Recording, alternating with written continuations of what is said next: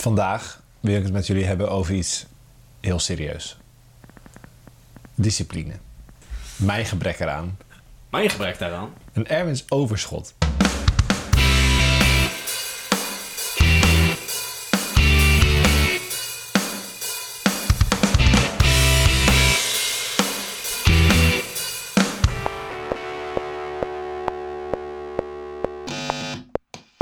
Vandaag eh, willen we het over het bijlenkwaaltje hebben.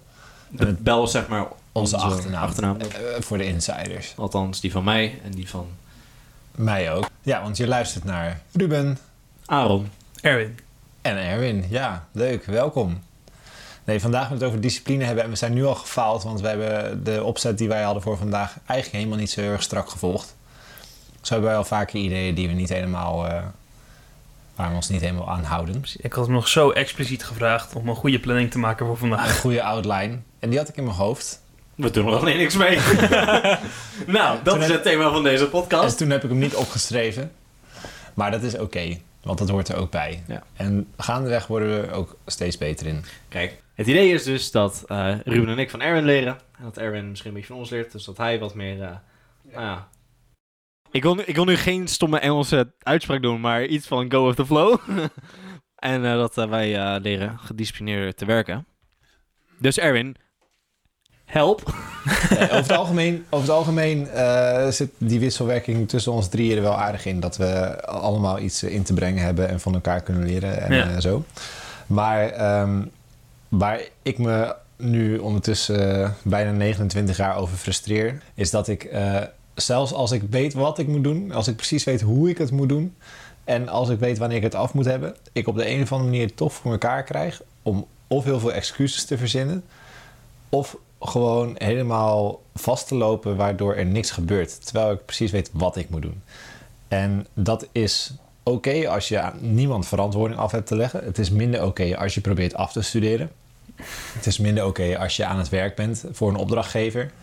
Eh, het is minder oké als je überhaupt gewoon iets aan verantwoording moet afleggen aan andere mensen. Ja. En de praktijk komt erop neer dat je daardoor heel veel dingen of aan het uitstellen bent, of dat je gewoon zwaar gefrustreerd bent met jezelf. Ja, Ik denk dat die laatste ook nog eigenlijk het meest vervelende is. Want op het moment dat jij een externe factor hebt die je wel dwingt, dus zoals een cliënt die werk van je verwacht, of een supervisor eh, voor je scriptie die zegt, nou moet ik het hebben ook, dan is er nog iets wat je pusht om die laatste dingen zeg maar echt af te maken. Maar op het moment dat jouw enige ja, motivatie jijzelf moet zijn, dus dat jij alles zelf moet opbrengen om iets af te maken, en het dan niet lukt, nou, dan ga je vervolgens jezelf zitten opvreten. Dat is iets waar ik zelf ook... eh, Ja, en dan moet er denk ik ook even een onderscheid gemaakt worden ehm, ter verduidelijking voor mij ehm, tussen intrinsiek en eh, extrinsieke motivatie.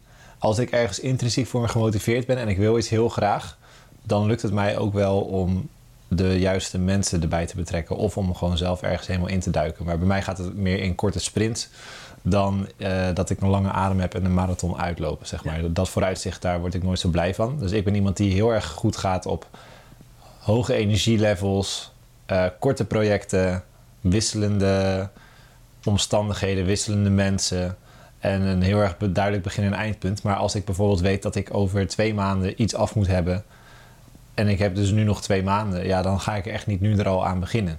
jij bent vast een eh, ENFP-type. Ja, en nu hebben we het over de MBTI, persoonlijkheidstypes. Ik ben, ik ben iemand die gaat gewoon heel erg goed op contact met andere mensen. Ik, ik ben iemand die extern dingen verwerkt. Dus als ik, ik zit vol met ideeën en die ideeën komen eruit op het moment dat ik met iemand aan het praten ben. Maar op het moment dat die ideeën moeten worden uitgewerkt, dan klap ik al vrij snel dicht. ja, Herkenbaar.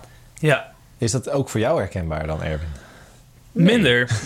Sowieso, con- contact met andere mensen, daar, daar knap ik al, al redelijk af. Ik ben, ik, ik ben gewoon redelijk, redelijk introvert. Ja. Ehm, Je zou het niet zeggen als je Nee, zo ik praten, ik- maar... ik ben, ik ben... Heel veel mensen die associëren introvert zijn met, zeg maar, low energy en een soort van schuwheid. Eh, dat heb ik dan weer niet, maar ik vind het gewoon niet heel prettig om bij veel andere mensen in de buurt te zijn en eh, constant zeg maar die directe feedback te hebben. Ehm, dus ik ga ook gewoon best wel goed op mijn, op, op mijn tijd alleen ehm, eh, en om gewoon echt zelf aan dingen, aan dingen bezig te zijn. Maar dat hoeft niet per se te betekenen dat ik een soort van bang ben voor contact met mensen of dat ik eh, geen energie heb in een gesprek. Maar het is gewoon, ik, mijn affiniteit ligt er niet zo, ligt er niet zo bij. Eh, wat ik wel herken is het, eh, het zeg maar, pratend denken. Dus een, een idee vormgeven op het moment dat je met mensen in, in gesprek gaat. Maar dat is voor mij meer een soort van, eh, een soort van briefing van wat ik ga doen op het moment dat ik iets ga doen, zeg maar. Eh, ik vind het wel fijn om een richting te hebben op het moment dat ik aan het werk ben. Maar ehm, ik, ik ga gewoon vrij snel aan het werk. En daarin is het ook handig. Dus Ruben en ik zijn ook bezig met wat andere projecten aan het eh, wat andere projecten opzetten. En dan is het wel handig dat we een soort van wel echt denkers hebben die uitdenken wat er allemaal moet gebeuren. En dat er ook iemand is die het fijn vindt dat er dingen gebeuren. En het houdt elkaar een beetje in evenwicht. Want ik ben het liefst zeg maar aan het, aan het beunen zonder dat er nog echt een heel concreet plan is. Ehm, en Ruben die maakt het liefst gewoon super concrete plannen, maar die doet er verder niet zo heel veel mee. dus wat dat betreft zijn wij echt een gouden duo. Ja, daarom zijn mijn planningen en onderzoeksvoorstellen en dat soort dingen zijn ook altijd hartstikke goed. En eh, eh, als ik eh, iets zie waarvan ik denk van, oh, hier moet echt wat mee gebeuren, dan kan ik daar super enthousiast over zijn en, en heel erg enthousiast aan andere mensen vertellen, waardoor de ander het idee heeft van, oh, die gast die is echt heel serieus hierin. Dit gaat vast iets moois worden. En dan gebeurt er niks mee. En dan is dat voor heel veel mensen van, maar je was hier toch zo, eh, wat, eh, hoe kan dat? En bij mij zit er een soort, een soort mismatch of een kortsluiting tussen het omzetten van een goed plan en een goed idee naar een eerste stap. Maar vaak is het gewoon het gebrek aan eh, inzicht in wat dan het eerstvolgende is wat moet gebeuren. Want als ik eenmaal bezig ben, dan gaan dingen wel. Maar het eraan beginnen is voor mij echt een heel erg groot probleem. En als ik er al aan begin, dan is het heel vaak pas veel te laat. Ik denk ergens dat, eh want ik zit een beetje in hetzelfde schuitje. Ik denk dat ergens onze valkuil ook is dat wij heel goed voor ons kunnen zien hoe het eruit moet komen te zien. Of, Ja. eh, gewoon het, eh, wij hebben eigenlijk al een, een vrij goed gevormd beeld van het eindresultaat. Maar de realiteit is dat jouw eerste versie, jouw eerste stap, die komt daar nooit in de buurt. En dat is al dusdanig frustrerend dat je dan soort van al voor je gevoel zelf niet bereikt hebt wat je, wat je wil bereiken dat je dan, dat het je dan ook ontmoedigt om vervolgstappen te nemen. Dus weet ik veel, eh, om maar vanzelf voorbeeld te noemen. Stel, ik wil een video maken. Ik wil, wat- een paar maanden terug wilde ik een video maken. Eh, en de, de- Had hij een hele leuke backdrop voor trouwens. had ik een hele leuke backdrop voor die ik echt nog wel een keer ga gebruiken. ik, ik, lu- ik luister hem eh, oprecht gewoon gelukkig. nou, om, om een beetje context te geven. Ik ben op een gegeven moment eh, met mijn YouTube-kanaal begonnen. Met gewoon wat video's maken. Op eh, aanraden van vrienden van me. Vond ik hartstikke leuk. Dat liep op zich nog best wel aardig ook. En toen had ik er drie geüpload. En toen wilde ik een vierde maken over een super tof onderwerp. Eh, en ik begon met clips te filmen. En ik had eigenlijk al helemaal voor me hoe het eruit moest komen te zien. En hoe de verhaallijn zou lopen. En ja, met drie actes dat er echt zo'n climax aan zat te komen. En vervolgens was ik eh, het laatste stukje vergeten te filmen. Nou, toen is dus vervolgens ook helemaal niks gebeurd. Omdat er één dingetje niet klopte, was mijn hele eh, visie was al niet meer bereikt. Dus ben ik ook nooit iets gaan editen. Er is nooit iets samengevoegd geweest. Terwijl ik wel een paar losse clips heb liggen. Die allemaal ergens naartoe leiden. Maar uiteindelijk komt er... eh, Zeg maar, ik heb één misstap gemaakt. En daardoor heb ik het nooit in gang gezet. Want het klopt al niet meer. Puur omdat mijn eindbeeld al in mijn gedachten verstoord was. Eh, ja, zijn we gewoon nooit meer doorgegaan. En daarom heb ik nog steeds jouw track niet gebruikt in een video voor mijn YouTube kanaal. Wat echt moet gebeuren. Ja, Sorry. Maar- ja, dat is oké. Maar Ja, ik zit het nu... Een beetje pijnlijk. Ja, het is, het is een beetje pijnlijk. Maar ik zit nu met name te, te, te denken dat ik ben eh, over het algemeen niet heel oplossingsgericht, moet ik heel eerlijk toegeven. Maar op het moment dat ik met een project bezig ben en ik loop tegen dingen aan, dan werk ik daar wel, eh, werk ik er wel omheen. En wat voor mij heel goed werkt daarbij is ehm, anderen erin betrekken, één. En twee, ervoor zorgen dat die mensen ook van mij afhankelijk zijn. eh, zeg maar, in het, in het project. Dus bijvoorbeeld toen eh, Ruben en ik de EP van eh, Denise Gijzen hebben, hebben opgenomen. Gewoon even een hele subtiele plug dit. Eh, Spotify. Absoluut. Toen waren er twee nummers af. Toen heb ik een band en een studio geregeld en gezegd: we gaan een EP van vijf nummers maken. Nou ja, dan Dan zou de druk opvoeren. Precies, dan staat er ineens de druk op van... oké, er moet nu gewoon binnen vier maanden... moet er een gerepeteerde band zijn... die een EP van vijf nummers kan spelen... waarvan er drie nummers nog niet eens bestaan. nou ja, weet je, da- daar, daar, ga ik gewoon, daar ga ik gewoon best wel goed op. Want weet je, iedereen verwacht van mij dat het project er is... en dat het doorgaat. En het is gewoon puur aan mij om, eh, om dat project vorm te geven. Ja. Nou ja, dan is het wel makkelijk dat het zeg maar, allemaal muzikanten en allemaal professionals waren die er allemaal redelijk makkelijk invallen, zeg maar. Dus ik kon ook gewoon wat ruimte nemen om best wel strak op die deadline te, te werken. Ehm, dat er uiteindelijk, volgens mij waren er nog twee weken over toen het laatste nummer af was of zo. Ja, Iets, in, die, eh, iets in die geest. Ja. En dat was ook niet, dat was ook niet echt een probleem. Dus dat was wel weer een stukje ruimte wat ik, eh, wat ik had. Maar gewoon het einddoel was heel duidelijk in zicht. En er waren mensen die daar verwachtingen bij hadden. En dan is het gewoon een stuk makkelijker om dat, eh, om dat af te maken. Ja, ik denk dat dat ook het verschil is tussen de twee scenario's die we soort van nu uitleggen. Want die ene moest volledig uit mijn eigen fantasie soort van werkelijkheid worden. En jij zet er echt dusdanig fysieke, reële eh, nou ja, deadlines en, en andere dingen aan. Dat er opeens inderdaad die, eh het is het, extrinsieke druk is. Mhm. En dan moet er opeens shit gedaan worden. Ik bedoel, een ander soort van voorbeeld is iets wat ik heel erg merk in mijn werk. Hè, voor als ik video's moet maken eh, of foto's moet eh, maken, dan moet ik eigenlijk altijd van mezelf, ofwel op de dag zelf van het schieten, of de dag daarna moet ik meteen beginnen met bewerken, met editen, met monteren, whatever. Ook al is het maar echt een half uurtje een, een klein opzetje maken, maar als ik dat niet doe, dan stel ik namelijk meteen één of twee weken uit en dan moet ik opeens alles gepropt doen. En nou, bijvoorbeeld een project waar ik nu mee bezig ben, daar was ik dus ook inderdaad afgelopen maandag mee gaan schieten. Dinsdag hier en daar wat geëdit, volgens ook een paar dagen laten liggen. Maar kon ik er wel gisteren gewoon, toen ik de tijd ervoor had en die ervoor nam, kon ik ook gewoon er vrij makkelijker instappen. Ja, je hoeft niet helemaal weer bij nul te beginnen en te Nee. gaan bedenken hoe je het gaat aanpakken. Nee, maar al is het inderdaad een kleine instap, eh, nemen gewoon het liefst inderdaad zo snel mogelijk na eh, het opnemen of het, het schieten van de foto's. Nou ja, dan, dan lukt dat op zich best makkelijk. Ja. Mag ik daar een hele confronterende vraag over stellen? Tuurlijk. Jij hebt de vorige keer dat wij eh, een podcast gingen opnemen... heb jij een paar foto's gemaakt bij Ruben op het dak... omdat er een hele mooie zonsondergang was. Wat heb je daarmee gedaan? Eh, ik weet niet eens of die op mijn harddrive staan. Eh reden daarvoor zijn er dat die podcast die we toen hebben opgenomen, dat was denk ik een maand of twee geleden. Ja. Eh, toen zat ik echt precies in de schrijven van mijn scriptie. En eh die komen denk ik misschien nog iets meer op terug straks. Maar dat was zo'n ding waar ik een soort van... Dat, dat beheerst je, je leven in een zekere zin. Eh, het speelt zich continu in je achterhoofd af. En daardoor kom je in een soort van fase of een soort van gemoedstoestand waarvan je dus niet hetgene doet wat je zou moeten doen. In dat geval de scriptie. Mhm. Maar je kan je er ook niet toe zetten om compleet andere dingen te doen en daar stappen in te zetten. Want je moet je scriptie schrijven. En wat er dan gebeurt is dat je in een soort van limbo komt waarbij je en niet doet wat je moet doen en niet doet wat je wil doen. En dus eigenlijk maar je tijd gaat opvullen met semi-productieve dingen die eigenlijk totaal nutteloos zijn. Maar je kamer is wel heel opgeruimd nu. Nee. Was het maar zo'n feest. Nee, het moet ook weer niet zo... Ik, Hallo? Ik, eh, in, in, in mijn, in mijn toetsweek eh, was mijn iTunes-bibliotheek opeens helemaal opgeschoond. helemaal perfect gesorteerd. Alle namen klopten, alle coverafbeeldingen klopten. Want dat was dan iets waar ik me op een of andere manier wel aan kon committen. Ja. Maar heel stom is dat. Maar ik heb bijvoorbeeld over mijn master... Heb ik, een eenjarige master heb ik meer dan twee jaar over gedaan. En dat zat hem niet eens in het feit dat ik eh, de vakken niet haalde. De vakken die haalde ik allemaal wel. Behalve één paper die ik in notabene van mijn keuzevak... waar ik een zo'n tof eh, patroon ontdekte in...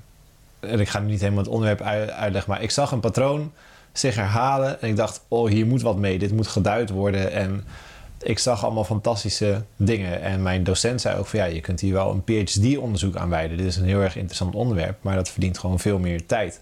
En ik wilde dat proppen in een paper van 2000 woorden of zo, max. Zo. Herkenbaar. Maar op het moment dat je dus die trend ziet of dat idee hebt, dat is zeg maar, dat geeft die high. Maar bij mij komt daarna echt een soort van dip van ja, maar hoe ga ik dit dan overbrengen aan iemand anders? En dat lukte mij dus gewoon keer op keer niet. Ik kon me gewoon elke keer niet toezetten, waardoor ik gewoon mijn deadlines niet haalde. En vooral omdat ik gefrustreerd was over het feit dat wat ik in eerste instantie op papier zette, dat, dat, dat het niet was wat ik zag. En niet, geen recht deed aan wat ik zag. Ik kon er ook geen literatuur over vinden, want die was, over dat onderwerp was, was er überhaupt heel weinig literatuur geschreven.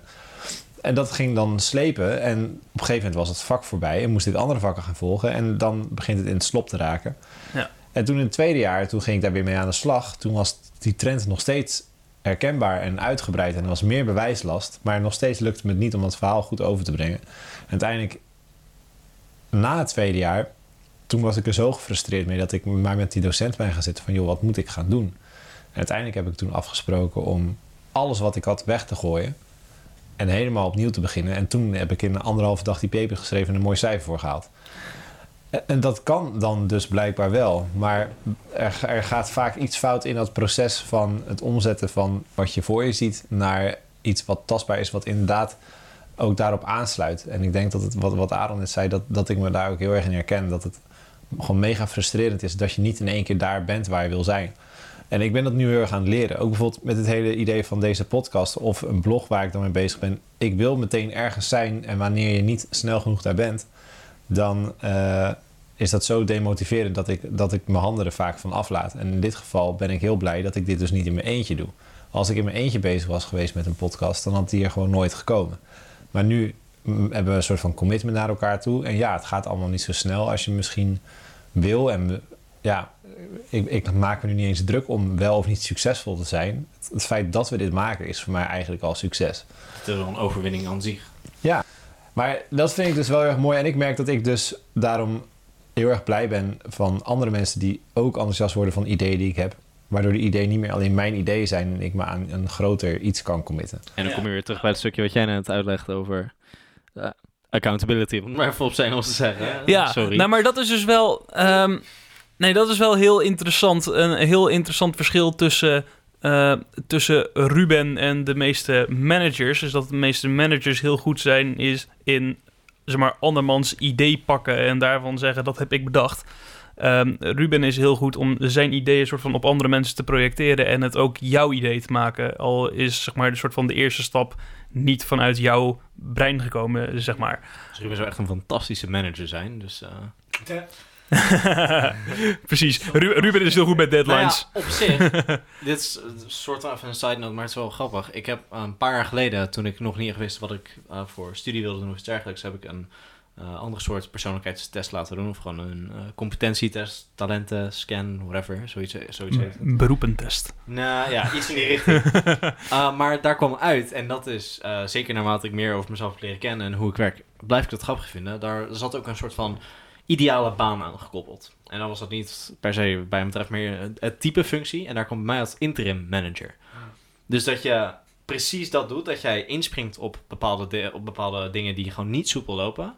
Je daar gewoon voor een kortere periode volledig uh, het roeien, zeg maar, even, tussen de, de roeiriemen pakt en uh, gewoon even lekker doorpakt, alles op zijn kop gooit uh, en gewoon echt jouw ding van maakt. En moment dat loopt, ben je weg. Ja. En ja, dat, dat, dat idee, dat blijf ik gewoon grappig vinden. Maar dat zie ik ook soort van in hoe jij dit net beschrijft. En ja. als ik heel vaak over je werk wil praten, gewoon op die manier terug van... Ik bedoel, in het, in het werk wat je doet, dat jij op verschillende plekken komt en daar een korte tijd uh, meedraait en de boel zeg maar recht trekt en vervolgens weer naar de volgende opdracht gaat. Ja.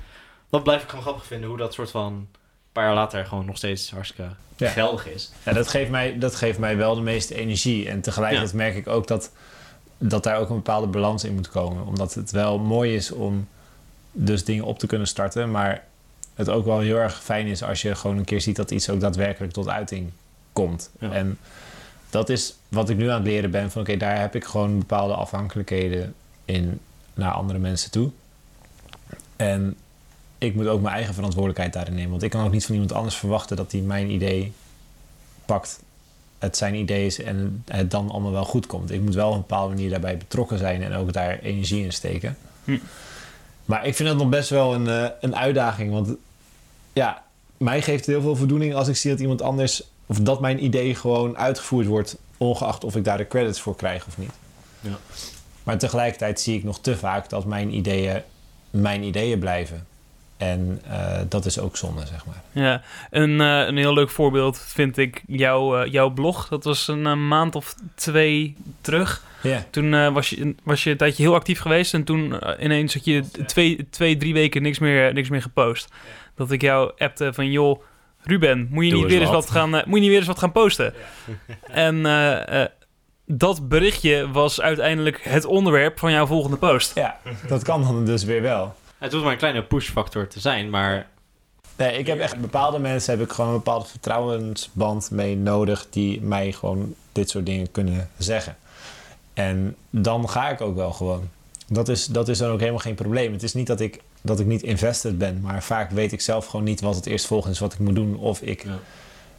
denk er gewoon niet na aan. Je kunt jezelf vullen met allerlei dingen om maar niet datgene te doen wat je weet dat je eigenlijk zou moeten doen. Zelfs als je het heel graag wil. Die limbo... eh, Ja. Ja.